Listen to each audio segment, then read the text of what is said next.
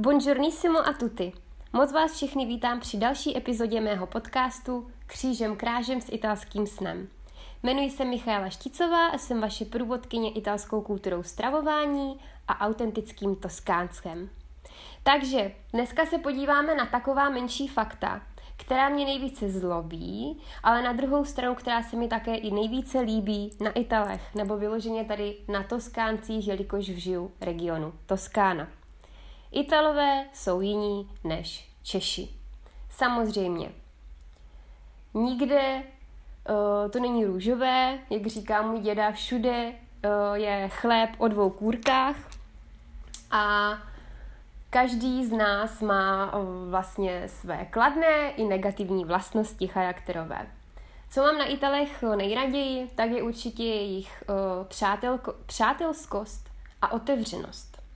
Protože já zejména vždycky, když třeba po nějaké době přijdu do Česka, tak se často setkám s takovým neúplně laxním přístupem, to bych možná řekla špatně, ale lidi jsou u nás tak někdy trošku jako kyselejší. Ono se u nás o nás i říká, že jsme takový jako trošičku studenější národ. Samozřejmě vím, že to není jako úplně pravda, že jo. E, znám spoustu Čechů a zejména Moraváků, jelikož já pocházím z Jižní Moravy, tak ta, tam jsou lidé více než přátelští. Já často právě Toskánce přirovnávám k Moravákům, že žiju v takovém větším, větší, na větší Moravě tady. Ale jinak jsou opravdu Italové moc příjemní.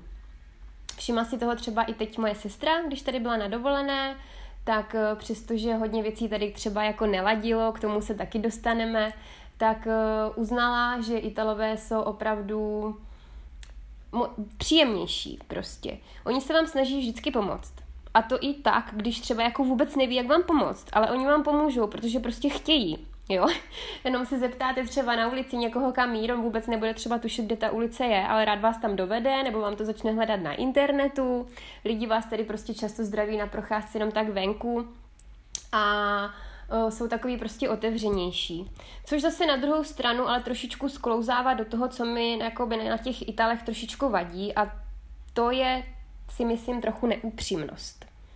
Oni se snaží být totiž Italové většinou za dobře. Oni nechtějí, abyste si o nich mysleli něco zlého, snaží si zachovat taková ta bela figura, jak se tady říká, prostě na oko všechno dobrý a potom třeba za zády řeknu něco, co se mi nehodí. Mně se tahle věc moc nelíbí, protože já zase na druhou stranu jsem docela upřímný člověk, který jde jakoby direct, když má nějaký problém. Často se uh, nacházím třeba tady názory, že jsem zlá, anebo že jsem jako kyselá, ale oni to samozřejmě taky myslí ze strany, když mi to říkají. Ale já ráda ty věci řeším pěkně na rovinku, ale tady vždycky je všechno tuto bene, jak se máš, tuto bene, ale přitom v závěru se máš úplně na prd, jo. Takže přece jenom ta jejich přátelskost, ne, že by byla hraná, to taky nechci říct, ale není na Itale ani takové spolehnutí. Třeba když se s Italem domluvíte, že jdete v pět, tak je velmi časté, že přijde o půl šesté. Opravdu tady ta nedochvilnost není úplná fáma.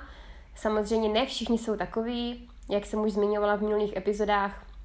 Záleží i velmi z kterého regionu pocházíte. Eh, můj Ital je naopak velmi precizní, jako švýcarské hodinky, takže nedá se to, jako, nedá se je hodit všechny do jednoho pytle. Ale většinou to tak spíš je, že jako já jsem ta, která na někoho čeká a poklepkává nohou, protože já zase naopak chodím všude brzo.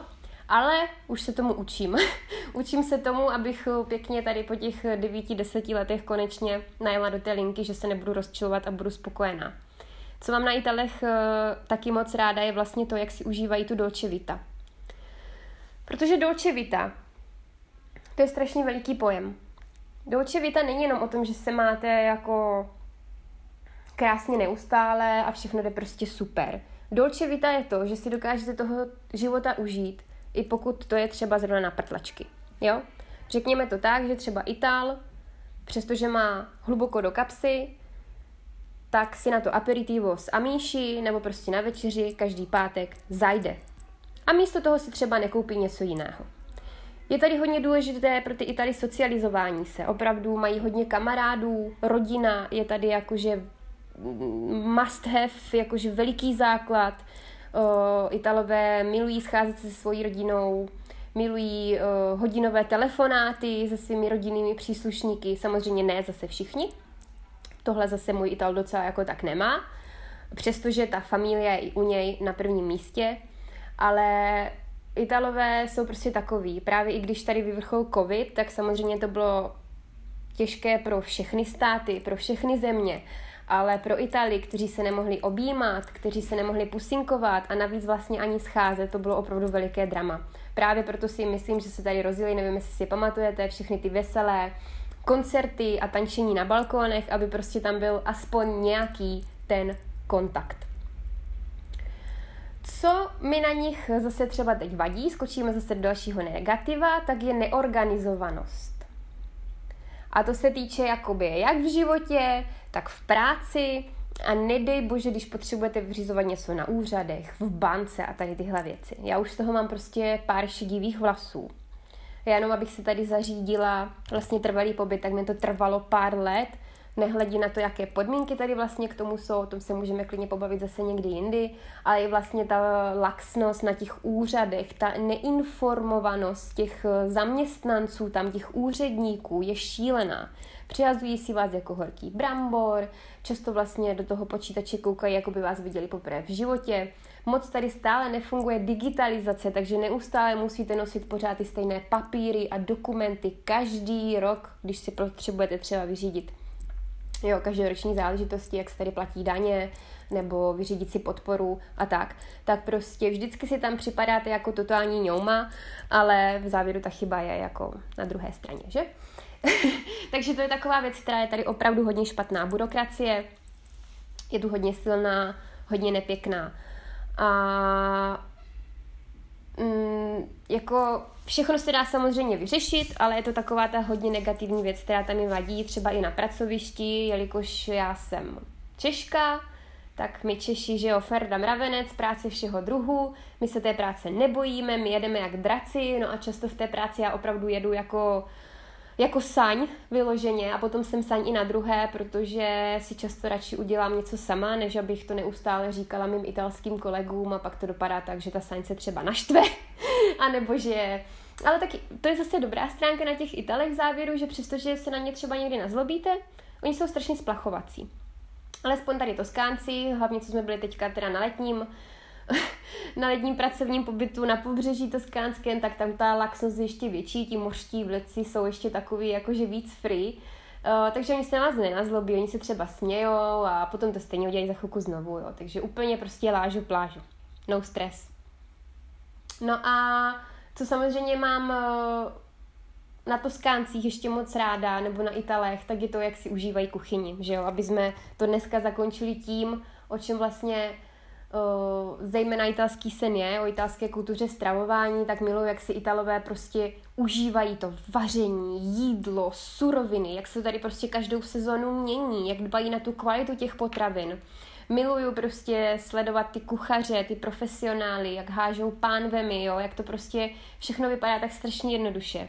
Ono samozřejmě italská kuchyně je jednoduchá, pokud to ještě nevíte a bojíte se jí, tak se nebojte, protože já vás přesvědčím o tom, že Nejen, že to je jedna z nejznámějších a nejlepších kuchyní na světě, ale taky z jedna z nejjednodušších. Jako není, že trávíte úplatně hodiny. Samozřejmě pokud se nezačnete dělat nějaké, nevím, zadělávat na těsta, že jo, dělat vánoční pandoro nebo panetone, které chce prostě hodiny a dny vyloženě na, na přípravu tady tohoto vánočního dezertu, nebo pokud nebudete dělat ragu, které chce alespoň 4 hodinky, ale ono se to potom zase vaří skoro samo, jo. Takže fakt italská kuchyně je jednoduchá.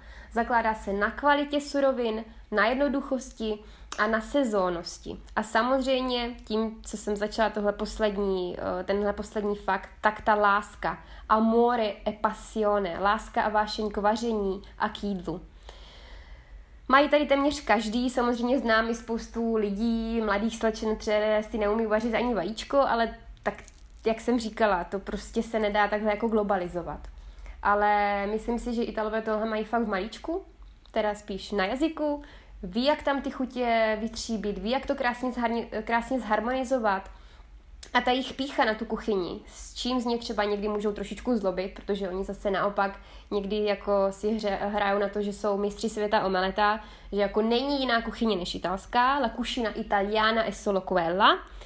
jediná kuchyně na světě je prostě ta italská, nejlepší a ostatní ve světě neumí jíst. Tak to já si zase jako nemyslím, ale je pravda, že tam ten cit proto mají.